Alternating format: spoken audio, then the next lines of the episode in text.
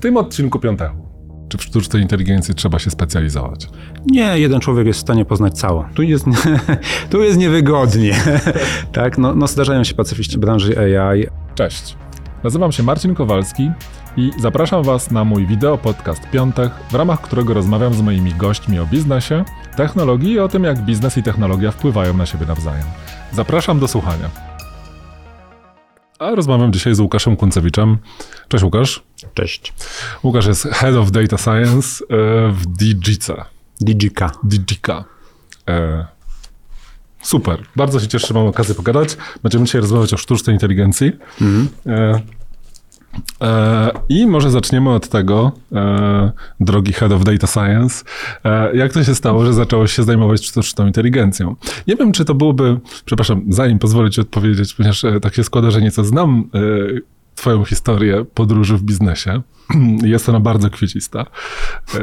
Jesteś autorem książek, jesteś, występujesz publicznie na, na, na TEDxach i stworzyłeś kilka biznesów.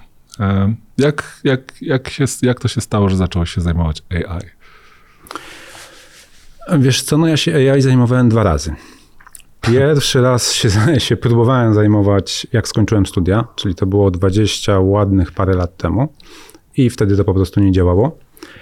I nie tak dawno, parę lat temu stwierdziłem, że, um, że, że, muszę zrobić coś więcej. Tak? Um, ja ogólnie prowadziłem wtedy biznes. Przyjechaliśmy do Łodzi i przytulili mnie w takiej firmie, e, nazywa się Blue Rank i bardzo serdecznie ich pozdrawiam. Przytulili mnie tacy ludzie w ten sposób, że potrzebowałem biurka do pracy. Spytałem się szefa Blue Ranka, a czy e, Maćka Gałeckiego, czy, czy mogę po prostu z nimi pobyć chwilę. No i ta chwila się trochę przedłużyła do prawie roku. E, dali mi do działu analiz i tam w tym dziale analiz tak mnie jakby przypomnieli mi, że ja jestem inżynierem oprogramowania, że ja lubię dane, że ja z tych danych umiem coś wnioskować, ułożyć jakąś historię. Um, I to tak w taki naturalny sposób wyemandrowało do, do tematu data science, tak? Bo się nagle okazało po tych dwudziestu paru latach, że te rzeczy, które nie działały, jak ja chciałem się tym zajmować za pierwszym razem, nagle zaczną, e, zaczynają działać, tak? Mamy tam 2000, powiedzmy, nie wiem, 15 rok, tego, tego, tego rzędu i nagle się, i, i nagle się okazuje, że, że, że już od paru lat są algorytmy, które dokonują tego, czego nie da się wykonać bez sztucznej inteligencji. Na, nagle state of the art był, był mocniejszy niż takiego oldschoolowego computer science. No i wtedy, wtedy to mnie huknęło i ja miałem dosyć trudną taką decyzję przed sobą, bo miałem małe dziecko, drugie, Miałem e, firmę, która dobrze szła, miałem e, no jakby pomysł, że wszystko już jest takie ustabilizowane, że już ja wiem, co ja chcę robić przez następne 30 lat. A to mnie tak huknęło, tak, tak dostałem po, po garach tym, tym, tą sztuczną inteligencją i to, że to działa i że rozumiem, jak to, jak to ugryźć, rozumiem, jak to zaimplementować, że, że no nie, nie umiałem inaczej. Tak? I, i się zająłem sztuczną inteligencją. Czy to jest tak, że zajmujesz się całą sztuczną inteligencją, w sensie wszystkim sztucznej inteligencji, czy zajmujesz się jakimś konkretnym obszarem? To jest takie pytanie o to, czy, czy w sztucznej inteligencji trzeba się specjalizować. Nie, jeden człowiek jest w stanie poznać całą. Tak myślałem. Szczególnie takiej rangi umysłu jak twój. Tak, tak. Nie, no, no nie da się, nie da się. To jest, to jest trochę jak medycyna, tak? Nie możesz być jednocześnie dentystą, e, i specjalistą od płuc. Tak? To, to jest, jest mocna specjalizacja i ta specjalizacja postępuje i ona postępuje, powiedziałbym, na dwóch płaszczyznach, na dwóch takich ortogonalnych osiach. Tak? Jedna oś to jest oś samego data science, czyli tego, czy ty się zajmujesz, nie wiem, danymi związanymi z obrazem, czy danymi związanymi z dźwiękiem, czy, czy danymi numerycznymi, tak jak, nie wiem, w branży finansowej.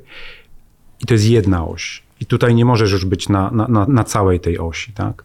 A druga oś to jest, co, co ty z tym robisz? To jest taka oś implementacyjna. Czy ty jesteś specjalistą od wynajdowania nowych metod? Czy ty jesteś specjalistą od implementowania nowych metod? Czy ty jesteś specjalistą od utrzymania? Tak? To, to znowu jest kolejna oś. I, I na tych obydwu osiach musisz sobie odpowiedzieć na pytanie, gdzie ty w ogóle w stanie jesteś być, tak? którą część tego spektrum jesteś w stanie um, jakoś zająć. I ty, którą zajmujesz? Wiesz, co najbardziej to mi się podoba, jeżeli chodzi o tą pierwszą oś, to, to, to obraz. To jest jakby e, naj...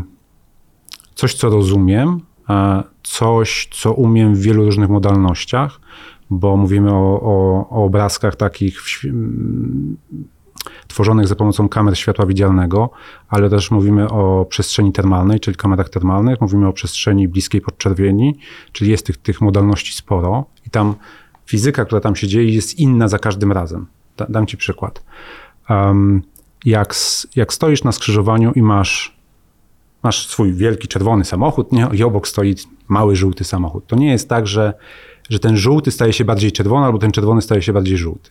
Natomiast w świetle czy w paśmie termalnym, jak masz samochód, który jest ciepły, bo na przykład stał na słońcu, a obok masz samochód, który jest zimny, bo na przykład stał w cieniu, to ten, to ten zimniejszy zacznie odbijać ten cieplejszy. I na kamerze termalnej będziesz obserwował tak naprawdę aż trzy samochody. Masz ciepły, masz ten zimny i ten pomiędzy, który jest odbiciem, tak? Ten, ten, mm. ten, a jak odpowiednio długo będzie stał ten zimny obok tego, tego, tego ciepłego, to też przejmie trochę jego ciepła. Tu nie ma tak w świetle widzialnym, że ten żółty się trochę przyczerwieni, bo stoi obok czerwonego. No tak, lubię te modalności. Przepraszam, nie wiem, czy odpowiadam na pytanie. E, powiedz mi, tak z perspektywy, to, to jest obszar powiedzmy technologiczny. Tak. E, natomiast e, tak jak sobie myślę o zastosowaniach sztucznej inteligencji, których jest dzisiaj dosyć dużo, to pewnie też e, specjalizujesz się w jakimś, a może nie, w jakimś obszarze, w, w, obszarze zastosowań. Czy to jest tak, że to jest analiza obrazu i z jakimkolwiek, z jakiegokolwiek sektora przemysłu do ciebie nie przyjdę, to ty, ty, ty podejmiesz temat? Czy to jest raczej tak, że naturalnie wykształca się specjalizacja w jakimś określonym e, zastosowaniu? No, niestety bądź stety jest tak, że e, wiedza domenowa jest mega ważna w data science. Czyli to nie jest tak, że jak umiesz. Um, ja, się, ja się głównie teraz zajmuję, uh, zajmuję powiedzmy analizą ruchu i wszedłem w taką branżę, która się nazywa defense, czyli nie wiem, obronnościowa, tak? Um, i, I tym się głównie zajmuję, tak? Czyli jeżeli byś dał, mi projekt pod tytułem um, e, zdjęcia rentgenowskie płuc, to pewnie ja miałbym mniejszą szansę, żeby zrobić z tym coś rozsądnego niż człowiek, który już się zajmował podobnym projektem. Ja się po prostu specjalizuję na przykład w analizie ruchu. A więc tutaj też jest taka specjalizacja, ale no, jak wracając do tych, do tych zdjęć rentgenowskich, wydaje mi się, że, e, że, że też nie, nie byłoby wstydu, tak? Poradziłbym sobie z problemem. Tylko, że pewnie dłużej by mi to zajęło. Natomiast jeżeli dałbyś mi projekt, gdzie musiałbym analizować, nie wiem, um, szeregi e, liczbowe zmienne w czasie, to tutaj bym zaczynał od początku i to już jest znacznie trudniejsze. Jasne. E, czy to, to, to rozumiem, że pewnie wiąże się z tym, co robisz w Digice? No tak, w Digice mamy, mamy teraz prawie 100 ludzi i, i trochę mamy, może nie silosy, bo staramy się nie mieć silosów, ale na pewno mamy, nie wiem, departamenty, albo to się teraz szumnie nazywa business unity, tak? czyli, hmm. czyli takie twory w firmie, które starają się e, zebrać specjalistów z jednej domeny no, w, w, w miarę koherentny zespół. Tak? E, I e, takimi dwoma business unitami, które mamy w Digice, to jest business unit medyczny, czyli to są projekty, gdzie mm, bazujemy na obrazach, ale nie tylko. I mamy różnego typu, typu projekty związane albo z tym, że Mm, detektujemy jakieś oznaki życiowe, na przykład, nie wiem, na, na, na wideo, analizując wideo, jesteśmy w stanie stwierdzić, jak, jak często pracuje twoje serce, albo e, jak często oddychasz. Tak? Gdybym cię teraz tak nagrał, e, to um, mamy metody, które są w stanie stwierdzić na przykład, jaki masz e, rytm serca, ponieważ twoje serce pompuje krew do, do twarzy i z powrotem. Więc następuje taka dyskoloryzacja, takie troszeczkę się twoja twarz staje bardziej czerwona i to ludzie tego nie są w stanie jakby wychwycić, tak? Ale, ale My jesteśmy, a szczególnie jeżeli nie będziesz ruszał twarzą za mocno, tak przez 30 sekund, to jesteśmy w stanie ten nawet drobny sygnał różnicy w twoim kolorze twarzy wychwycić, tak? w, w takim oknie powiedzmy 30-sekundowym. Co więcej, jesteśmy w stanie stwierdzić, jak bardzo czerwona jest twoja krew, jeżeli mamy na przykład a, no, dwa kanały powiedzmy optyczny czerwony i optyczny zielony. Telefony komórkowe tak mają, mają tam jeszcze nawet więcej. W związku z tym jesteśmy w stanie stwierdzić, jak bardzo czerwona jest twoja krew, więc jesteśmy w stanie stwierdzić, jak dużo masz tlenu w krwi. I to wszystko tylko analizując nagranie twojej twarzy. Tak? I mamy teraz taki projekt w Singapurze, gdzie em, tą, ta metoda jest testowana w szpitalach. Mm, W, jak to się nazywa, takie, takie pomieszczenie, gdzie pacjenci czekają na, na, na to, żeby ich obsłużyć. E, Poczekalnia, o. Nie chciałem ci Świe- świetnie mówię po polsku. Chciałem ci oczywistej sugestii sprzedawać, ale w Singapurze na pewno inaczej na to Inaczej mówią. na poczekalnię, tak? No w każdym razie są, w poczekalni ludzie sobie siedzą, my mamy kamery zain- zainstalowane i analizujemy e, to oznaki życiowe ludzi, którzy siedzą w tej poczekalni, bo być może niektórzy jakby potrzebują pomocy tu i teraz. Wiesz, w projekcie tego rodzaju, o którym opowiadasz, jest dużo różnych etapów. Bardziej researchowy, Tak. mniej researchowy, taki, w którym wykorzystujesz gotowe metody, taki, w którym metody już, y, które musisz sam opracować, ewentualnie czasem robisz jakąś e, operacjonalizację. Którymi z tych kawałków, gdzie w tym łańcuchu pokarmowym jest Digika? No Digica jest, jest taką dosyć specyficzną firmą, bym powiedział, tak? Bo mamy, jakbyśmy sobie narysowali takie spektrum projektów data scientistowych, tak? Związanych ze sztuczną inteligencją, to, to na jednym krańcu masz powiedzmy uniwersytety, tak? Czyli, czyli czy ogólnie rzecz biorąc takie ośrodki, które wynajdują metody. Ktoś dostaje pieniądze za to, że ma przez parę lat się nad czymś zastanowić i napisać papier, tak, tak, tak w mocnym skrócie. A na drugim krańcu tego spektrum są, są mega praktyczni, em, nie wiem, software house'y na przykład, mega praktyczne software house'y, które biorą gotowce i przylepiają je do danych i mówią, no to już mamy, mm, to, to jest ten projekt, który robimy. Czyli ktoś potrzebuje na przykład w centrum handlowym policzyć ludzi, no to oni wezmą gotowy detektor, który znajduje ludzi na, na streamach z kamery i opakują go w jakiś licznik, wdrożą w infrastrukturę klienta, no i projekt jest skończony.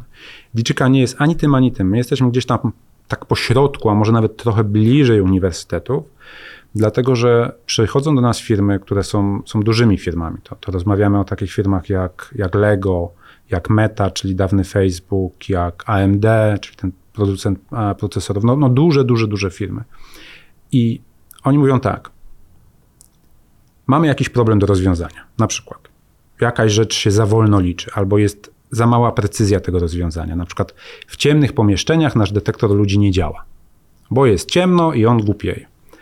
Um, wy musicie to naprawić. Jeżeli wy nam powiecie, o, to my wam to naprawimy, bo czytaliśmy tam jakiś papier z uniwersytetu i go trzeba tylko wdrożyć, to my nie jesteśmy zainteresowani waszymi usługami, bo my to umiemy sami, tak? My mamy te dziesiątki tysięcy inżynierów oprogramowania i oni umieją czytać papier, umieją go zaimplementować. Wy macie wymyśleć coś nowego. Więc my jesteśmy gdzieś tam bliżej, powiedzmy, uniwersytetu, bo, bo musimy wynaleźć nową metodę, e, po to, żeby tym, tym, tym naszym klientom zagwarantować przewagę konkurencyjną. Żeby taka meta, jak przyjdzie i powie, że oni od nas czegoś potrzebują, to żeby Microsoft tego nie miał. Tak? I stąd dużo projektów zaczyna się od researchu, od odpowiedzenia sobie na pytanie, no to w jaki sposób rozwiązać ten problem, i potem tak to dosyć naturalnie migruje przez implementację tego, tego, tego rozwiązania, które w międzyczasie wykujemy, aż po maintenance no już zaimplementowanego rozwiązania w infrastrukturze klienta. Czy to by było y, fair powiedzieć, że wy robicie rzeczy, których nikt wcześniej nie robił? Tak, nie, nie, jak najbardziej tak. To, to jest naszym, ja wiem, może nie boleścią, bo to za dużo powiedziane, ale na pewno taką, takim niezbyt przyjemnym elementem tej pracy jest to, że, że nasi ludzie y, opracowują nowe metody. Jestem z nich mega dumny. Y, myślę, że y, nie popełnię jakiegoś strasznego, strasznej głupoty, jak powiem, że, że, że zdecydowanie część projektów nadaje się na doktoraty, tak? I powinniśmy w ogóle publikować to, co wiemy, no ale nie możemy, tak? Bo, bo wartość tego dla naszych klientów istnieje o tyle, o ile to jest, to jest tajne, tak? O tyle, o ile ich konkurencja nie jest w stanie mm, odtworzyć tych wyników e, w miarę szybko. No to, dlatego wszystko jest tajne, tak. E, W zasadzie mamy może dwóch klientów na nie wiem ile projektów. Ostatnio liczyliśmy, że mamy około 200 projektów już zrobionych. No to jest jednak 100 osób, 5 lat. No to mamy dwóch klientów, gdzie mogliśmy się pochwalić, jakby co dokładnie robiliśmy, w jaki sposób. No, Jeżeli pracujecie w dużej mierze z branżą defense, jak to nazwałeś, to zupełnie no, tutaj nie szczególnie. tutaj szczególnie, tak. Tak, mamy, mamy klientów e, obronnościowych, tak sobie to nazwijmy, e, gdzie te projekty, no, oprócz tego, że są, są wyzwaniem jakby, no bo po prostu to są, to są trudne, trudne tematy, e, to jeszcze są wyzwaniem dlatego, że część danych, na, które pracuje, na których pracujemy są, są tajne.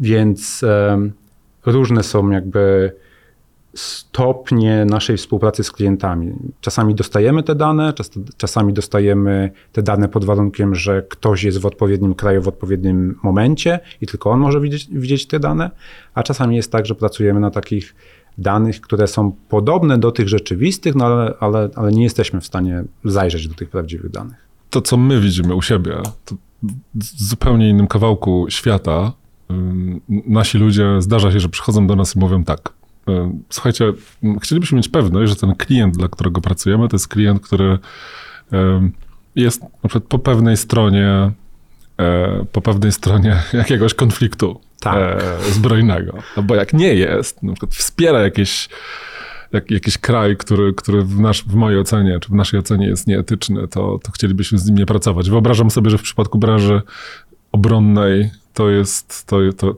to, to są rozmowy, które masz. Tak, znaczy mamy listę krajów, z którymi nie współpracujemy. I, i, i to, są, to są też bardzo duże kraje, tak? gdzie nie bierzemy projektów z tych krajów. Mm, Zdecydowanie też staffing, czyli przydzielanie ludzi do projektów musi, musi uwzględniać fakt, że na przykład projekt mogą robić tylko osoby będące e, mające obywatelstwo e, krajów NATO. Więc na, na, tu też, też na to zwracamy uwagę. To, to, to wszystko jest możliwe, tylko trzeba być no, wrażliwym i, i, i spełniać parę kryteriów.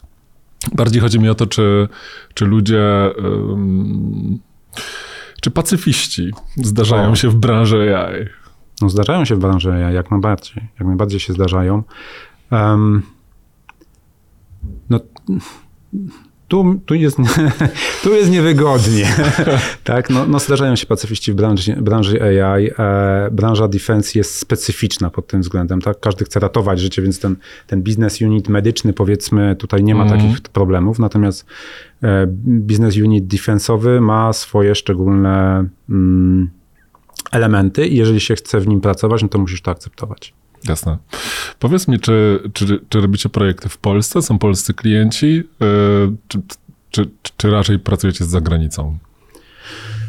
Niedużo mamy polskich klientów. To, to nie dlatego, że nie chcemy, tak? E, tylko dlatego, że ja mam wrażenie, że, e, że na razie w ogóle ta, ta cała sztuczna inteligencja, ona musi być na, na ona nie jest jeszcze na, na odpowiednim poziomie, żeby każdy jej potrzebował, tak?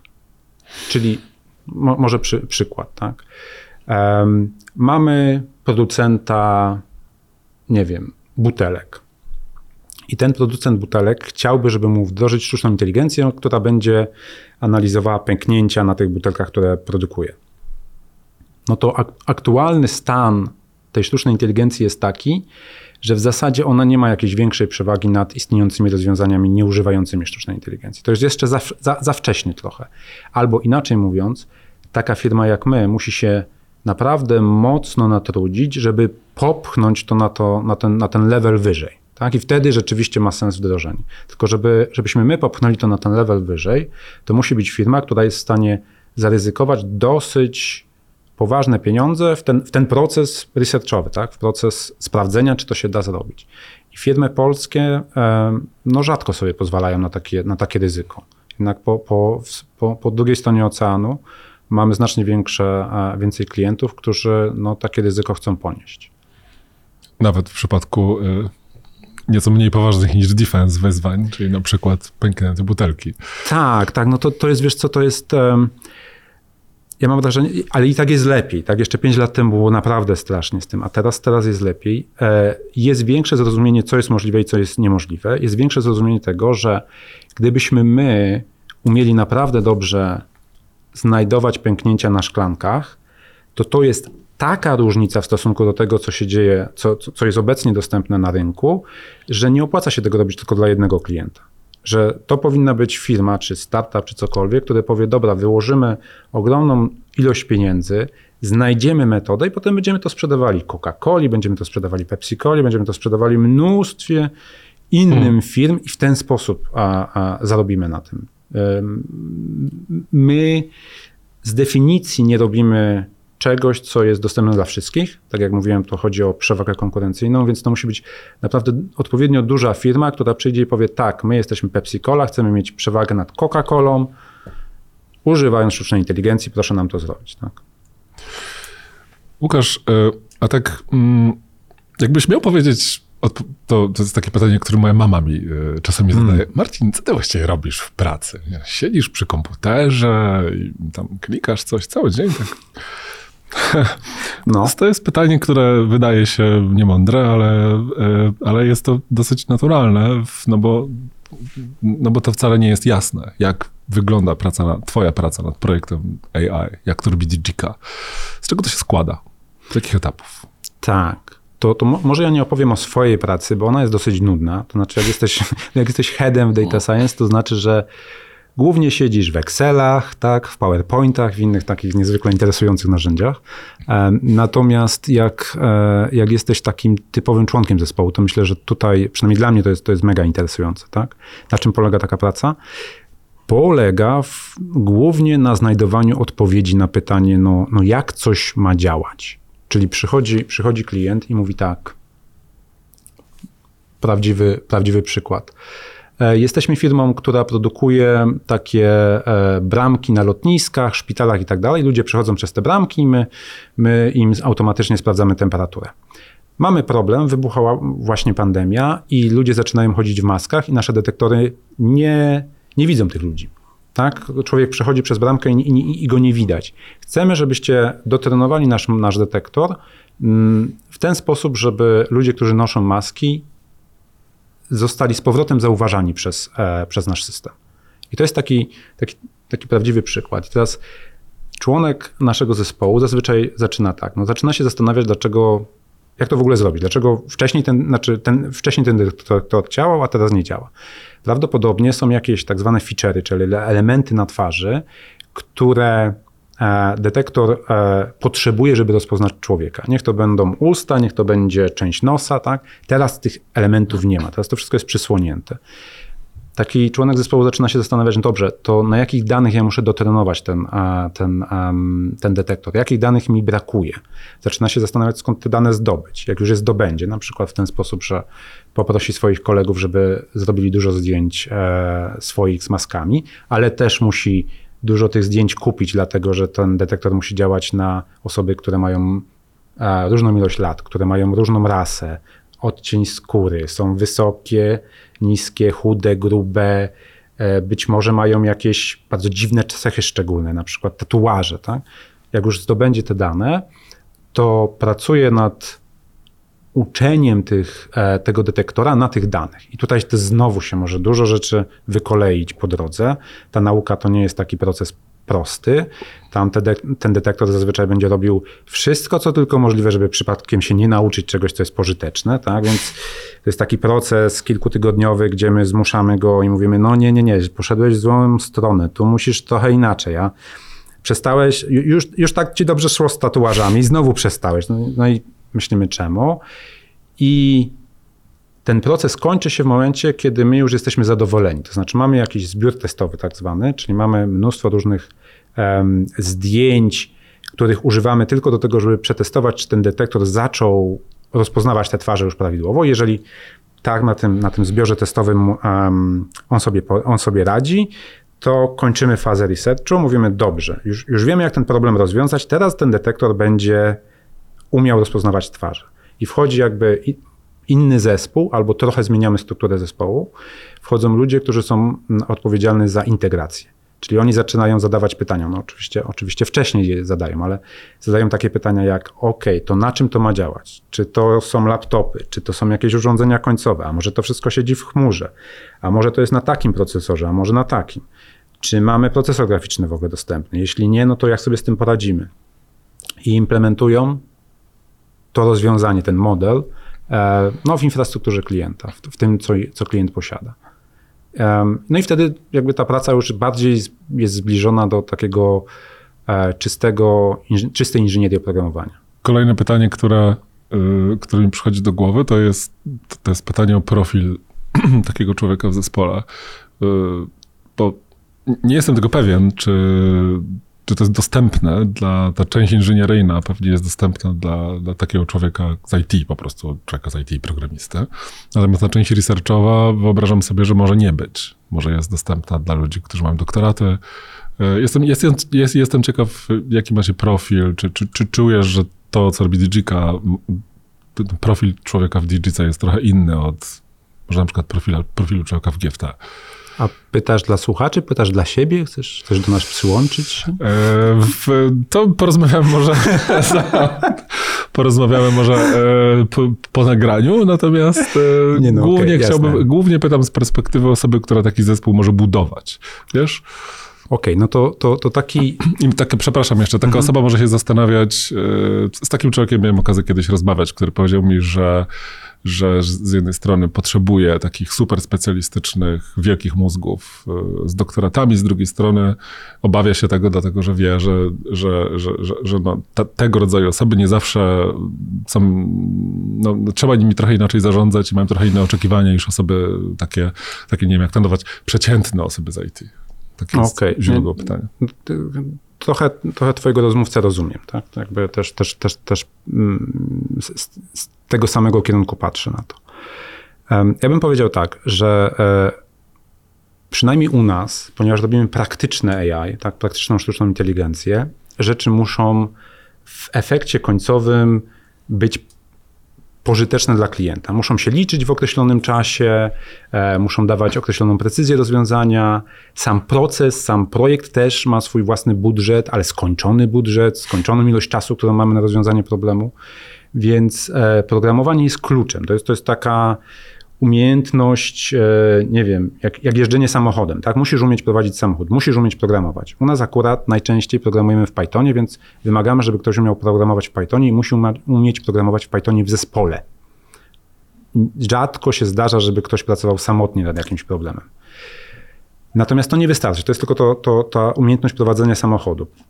Trzeba sobie zadać pytanie, w którą stronę jedziemy, dokąd jedziemy, tak? I, i tutaj wchodzi, wchodzi ta cała sztuczna inteligencja, ten, ten, to uczenie maszynowe, więc wymagamy, żeby osoba też rozumiała tę klasę algorytmów, tak? Czyli um, uważamy, że no, no, nie da się współpracować ze sobą, jeżeli ona nie rozumie, jak działają sieci neuronowe, nie rozumie, jak działają um, struktury drzewiaste w algorytmach, tak? Ona to musi rozumieć. Um, no i w zależności od tego, jak mocna jest w tym, w tym temacie, to albo jest u nas juniorem, albo, albo jest u nas e, regularem, tak, albo jest u nas seniorem, ale e, te, te, musi mieć dwie nogi, tak. I, I z mojej perspektywy nie jest ważne, czy masz doktorat, czy nie masz doktoratu. Z mojej perspektywy jest mega ważne, czy ty masz w sobie taki drive do rozwiązywania problemów. Bo o ile w inżynierii oprogramowania problemy rozwiązujemy poprzez programowanie, to tutaj w data science Programowanie jest tylko jakimś takim, jest absolutnie konieczną umiejętnością, ale nie rozwiązujemy problemów przez programowanie. My rozwiązujemy programy, e, problemy przez uczenie modeli, przez, przez modelowanie danych. I, I tutaj musisz, musisz mieć w sobie taki drive do tego, żeby umieć zadawać pytania do danych, umieć uzyskiwać z nich odpowiedzi, umieć wnioskować, że aha, dane powiedziały mi, że ta metoda nie jest zła, ale tutaj w tym elemencie dzieje się coś ciekawego. Muszę umieć to zauważyć, że się dzieje coś ciekawego, bo dzięki temu znalazłem ten mały kawałeczek, w którym w następnej iteracji projektu prawdopodobnie uda mi się rozwiązać problem i nauczyć model, co on ma, co ma, co on ma umieć. I to z punktu widzenia programisty to jest ciężkie do zrozumienia, no bo możesz wszystko zrobić dobrze, podłączyć model do danych dobrze, jakby pamięć ci się zgadza, czas operacji ci się zgadza, wszystkie instrukcje, które napisałeś są dobre, a i tak model się nie uczy. To jest, to jest dla nich dosyć wkurzające, tak? Więc musisz mieć w sobie ten, ten element pod tytułem no tak po prostu wyszło, teraz się zastanówmy, co trzeba zrobić i to nie jest problem inżynieroprogramowania, to jest problem modelowania danych. Lubię bardzo to, że to się udaje w Łodzi, bo DJK jest z Łodzi i Tak. e, takie wysokie wymagania, które masz względem ludzi, daje się spełnić. E, powiedz mi, czy, czy, czy jest jakiś projekt taki, który, który szczególnie, szczególnie lubisz o nim mówić? Takie coś, co wyjątkowo ci zapada w pamięć, jeżeli chodzi o osiągnięcie łódzkiej myśli sztuczno-inteligencyjnej? Wiesz co, no, no e, ja mam problem z tym pytaniem, bo my mamy projekty, którymi się chwalimy i które są naprawdę dobre. Ja chyba o nich opowiem, ale najfajniejszy projekt, jaki zrobiliśmy, to jest liczenie zdechłych much. Ale to, to może potem. No, na, na, najpierw opowiem, dlaczego, dlaczego nam się udają duże projekty. E, mamy dwa takie projekty, z których jestem dumny. Tak? Jeden projekt to jest, e, znaczy no, dumny jestem z wielu, ale te, te dwa powiedzmy są takie naprawdę duże. Mm, Jeden to jest projekt z tego biznes unitu medycznego, gdzie mm, przed i po operacji e, analizujemy tacki z narzędziami, których chirurg, używa podczas operacji. Przed operacją sprawdzamy, czy chirurg ma wszystkie narzędzia, których potrzebuje, a po operacji sprawdzamy, no, czy, czy nie brakuje jakiegoś, jakiegoś elementu.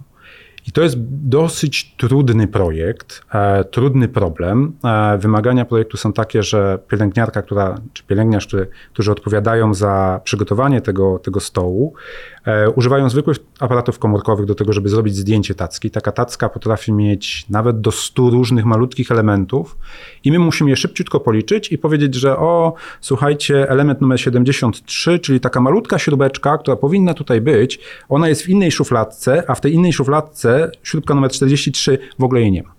O. Bo to jest informacja dla, dla e, zespołu, no, że czegoś brakuje i co oni z tym zrobią. I rozwiązaliśmy ten problem używając tak zwanych danych syntetycznych. Jesteśmy jedną z niewielu firm, która, a, która mm, realnie pracuje na danych syntetycznych, bo dane syntetyczne to, nie wiem czy wypada mówić tutaj, ale powiem, to jest trochę jak, jak seks w liceum, tak? Dużo osób o tym mówi, mało osób tak naprawdę to robi, tak? I dane syntetyczne to jest taki, taki sposób radzenia sobie z małą ilością danych poprzez produkowanie tych danych. Czyli myśmy zrobili mm, modele, które mm, renderują tak, obrazki tych danych, tych, tych tacek, tych narzędzi w bardzo wielu różnych sytuacjach, pod, e, gdzie kamera jest pod różnym kątem, oświetlenie jest różne, kolory tych, tych elementów są różne, po to, żeby dać jak najwięcej danych do modelu, żeby on się, żeby on się dobrze nauczył, gdzie te elementy są. I to się nazywa syntetyczne, synte, produkowanie, produkowanie i uczenie na syntetycznych danych. Jesteśmy jedną z niewielu firm, która naprawdę, wydaje mi się, dobrze to robi, albo przynajmniej ma pozytywne, praktyczne rezultaty w tym temacie. I to, I to jest na przykład coś, ten projekt, ten projekt, jestem z niego dumny. On jest e, wdrażany teraz w szpitalach e, w Stanach Zjednoczonych. No, to jest też super projekt, no bo ratuje życie, więc e, może, może nie ratuje życie, ale zmniejsza ilość powikłań, tak? Więc, więc jakby super, tak? A drugi, drugi projekt jest z drugiego mm, business unitu, czyli, czyli business unit defensowe. Jesteśmy też jedną z naprawdę niewielu firm na świecie, która umie mm, używać metod sztucznej inteligencji na radarach, na danych radarowych. I, i mamy dosyć sporą ilość projektów. I takim naszym wiem, elementem, który się bardzo często powtarza i, i, myślę, że jesteśmy w nim dobry, dobrzy, to jest analityka zbliżających się e, targetów. Tak? Czyli mamy radar, który sobie tam patrzy, nie wiem, 15 kilometrów stąd. E, coś jest w powietrzu. I teraz jest pytanie magiczne, czy, czy to coś, co leci do nas, to jest dron, czy to jest po prostu orzeł? I, to, i, to, I, od tego od odpowiedzi na to pytanie bardzo dużo zależy. Tak? Zależy mnóstwo rzeczy, które się zadzieją za 15 sekund. Tak? I um, to, co, to, co robimy, no to, to jest właśnie pracowanie z tymi danymi i tworzenie dla wielu różnych klientów, którzy produkują radary albo produ produkują systemy radarowe, tych klasyfikatorów targetów, to, to, to tak się nazywa, czyli, czyli takich elementów w tym w tych dużych systemach e, obrony, które odpowiadają na pytanie, to to jest ten moment, że trzeba uruchomić tam ekipę, czy to jest moment, kiedy trzeba się rozluźnić, bo to jest tylko orzeł, tak? Powiedz mi, czy, e, bo to sztuczna inteligencja jest takim, takim obszarem te rzeczy, o których mówisz, no to to są rzeczy, które myślę, że 10 lat temu w ogóle nie byłoby szans, żeby o tym mówić, że, że żeby, żeby cyfrowymi, sztuczno-inteligencyjnymi, przewidywalnymi metodami być w stanie adresować takie wyzwania. Więc postęp jest ewidentny. I chciałem się ciebie zapytać y, o to, jak, tak przechodząc trochę do, do wątku y, o, o, o stanie sztucznej inteligencji. Hmm. Czy ty, czy, czy w którą stronę twoim zdaniem to się rozwija i czy, czy, czy, czy ty jesteś zadowolony z tego, w jaki sposób sztuczna inteligencja e, podbija świat? No bo to jest moja perspektywa, że sztuczna inteligencja totalnie podbija świat. No dobra, ona, ona podbija świat, ona jest jak, jak dryf kontynentalny, tak? Co, codziennie tam się trochę przesuwamy i my tego możemy nie czuć od razu, ale, ale to się faktycznie dzieje. I czy ona zmienia świat? Tak, zmienia świat jak, no nie wiem, jak poprzednie e, fale, tak? Jak, jak wynalezienie silnika parowego, a potem jak wynalezienie elektryczności, tak? Ona, ona rzeczywiście zmienia. Natomiast mam wrażenie, że trochę zeszliśmy z tego hypu, który był jeszcze, jeszcze, jeszcze ładnych parę lat temu trochę może się mniej boimy. To, to już nie jest ten etap, kiedy ciągle czytamy o tym, że o, powstanie sztuczna inteligencja i, na, i całą ludzkość wyłączy, bo nie będzie jej potrzebna. Um, ja widzę dwie takie, e, może jakby schodząc z tego pułapu, nie wiem, planety na, na, na pułap tego, co robimy, to, to widzę dwa takie trendy. Jeden to jest komodyza, komodyzacja tego, tego um, sztucznej inteligencji, czyli takie utowarowienie jej, czyli dużo jest takich już gotowców. Jeżeli ktoś potrzebuje, potrzebuje do bardzo prostych zastosowań czegoś, na przykład tworzę sobie aplikację i chcę, żeby użytkownicy mogli um, wysyłać wiadomości, ale nie pisząc, tylko mówiąc do mikrofonu. No to, to już jest stowarowane. Masz, masz mnóstwo prowajderów, którzy ci to, um, um, którzy mają takie, takie malutkie sztuczne inteligencyjki zamknięte w pudełeczkach i, i tam tylko wrzucasz dźwięk, a po drugiej stronie wychodzi napis, tak? czyli, czyli te, te dane w postaci tekstowej. Tak? To już jest. I to już jest na takim poziomie, y, że można z tego korzystać. Tak? I to jest takie utowarowienie. I coraz więcej rzeczy widzę właśnie tak utowarowianych, że takie firmy jak nasza, no to my byśmy zrobili to od zera, tak? bo, bo, bo my byśmy chcieli zrobić czy, mm, takie rozwiązanie, gdzie, gdzie jakość tego jest najlepsza na świecie, bo inaczej się nie da, tak? bo inaczej Coca-Cola tego nie kupi, czy tam AMD. Natomiast jest, jest i coraz widzę coraz więcej takich klocków, które są gotowe. I, i ja się z tego cieszę. Tak? Dla mnie to jest ok, bo ja widzę, że ta sztuczna inteligencja trafia pod strzechy. Tak? To znaczy, coraz, programiści mają coraz więcej możliwości robić super fajnych rzeczy, bo, bo mają gotowce. Tak? Jak jesteś programistą, to nie robisz bazy danych od zera. No i tak samo ze sztuczną inteligencją. Też oczekujesz, że będzie jakiś klocek Lego, który sobie po prostu wstawisz. I to jest jedna rzecz. Ale druga rzecz, którą widzę, to bardzo powolne zwiększanie się SOTA, tak? czyli state of art, czyli tej, tej precyzji rozwiązań, które jest potrzebnych, tylko ona, to, to, to tempo jest zbyt małe w stosunku do oczekiwań biznesu. Czyli um, mam wrażenie, że jeszcze długi, długi, długi czas, mówimy o dekadach, zanim rzeczy będą możliwe na takim poziomie, na jakim chce biznes. Tak? Czyli, A czego chce biznes? No biznes na przykład mówi tak, słuchajcie, ja bym chciał, ja mam magazyn, e, produkuję wełnę, tak? I ja mam e, pół hektara magazynu, tak? Ja bym chciał, żeby mój pracownik przeszedł się z telefonem komórkowym, nagrał po prostu ten magazyn, a wy mi powiedzcie, ile ja mam czego. No to analizując to, to nagranie z, z magazynu, no to my nie jesteśmy na tym etapie, tak? My jesteśmy daleko, daleko przed tym etapem. To, to jeszcze nie jest ten moment. Jeszcze te detektory, klasyfikatory i, i, i inne elementy sztucznej inteligencji, one nie są gotowe aż na takie wyzwania. Tak? One są gotowe na jakieś niszowe wyznanie, wyzwanie, na przykład przetłumaczenie pliku dźwiękowego na, um, na tekst. O, to, to, to, to tutaj już gdzieś dobiliśmy, ale to, to nie ma takich, zbyt dużo takich elementów, gdzie już jesteśmy. To, to wspólny mianownik tego jest taki, że biznes oczekuje, żeby sztuczna inteligencja działała po prostu tak, jakby wysłać pracownika, który, który zrobi to samo? To myślę, że, że, że, masz, że masz rację. To znaczy, sztuczna, y, biznes oczekuje, że modele będą tak samo inteligentne jak pracownicy, a daleko jeszcze do tego. Tam, gdzie działa sztuczna inteligencja, to trochę działa w ten sposób, że te modele są głupsze, ale za to są tańsze i można ich użyć na, na dużą skalę. Przykład. Em, wchodzisz sobie na, na, na, na internet, wpisujesz pogoda Parzęczewo-Dolne, tak? I dostaniesz dosyć dobrze skrojoną e, prognozę pogody dla Parzęczewa Dolnego na następne trzy dni. Dlaczego? Dlatego, że to robi jakiś model. Teraz tak, czy człowiek by zrobił lepszą prognozę pogody? Tak. Jakbyś, jakbyś komuś zapłacił, kto się zna na, na, na e, meteorologii, to ten ktoś by ci lepiej tą mapę sporządził, co się będzie działo przez następne trzy dni. Więc te modele, które używamy, nie są lepsze, ale one powodują, że możesz ich użyć na taką skalę, że jak ktoś chce wiedzieć, jaka jest pogoda w Parzęczewie Dolnym, to będzie wiedział. I to jest ta wartość, tak? Czyli modele nie są precyzyjne, ale skala jest duża. Em, i, i, I obecnie na takim etapie jesteśmy. My, my em, nie wiem, czy to jest po polsku, leverage'ujemy skalę. Po Tak? staropolsku. Po staropolsku, tak. I, i, I tu się powiedzmy ta, ta sztuczna inteligencja zaczyna zgadzać, zaczyna opłacać, tak. A jeżeli twój model jest za głupi, to wtedy zgłoś się do Łukasza albo do Digiki i popracujecie nad tym. Popracujemy nad tym. Zobaczymy, co się da zrobić. Będzie pan zadowolony. Bardzo ci dziękuję, Łukasz, za rozmowę. Super. E, dziękuję słuchaczom za uwagę w imieniu GFT Polska i zapraszam na kolejny piątek. Cześć.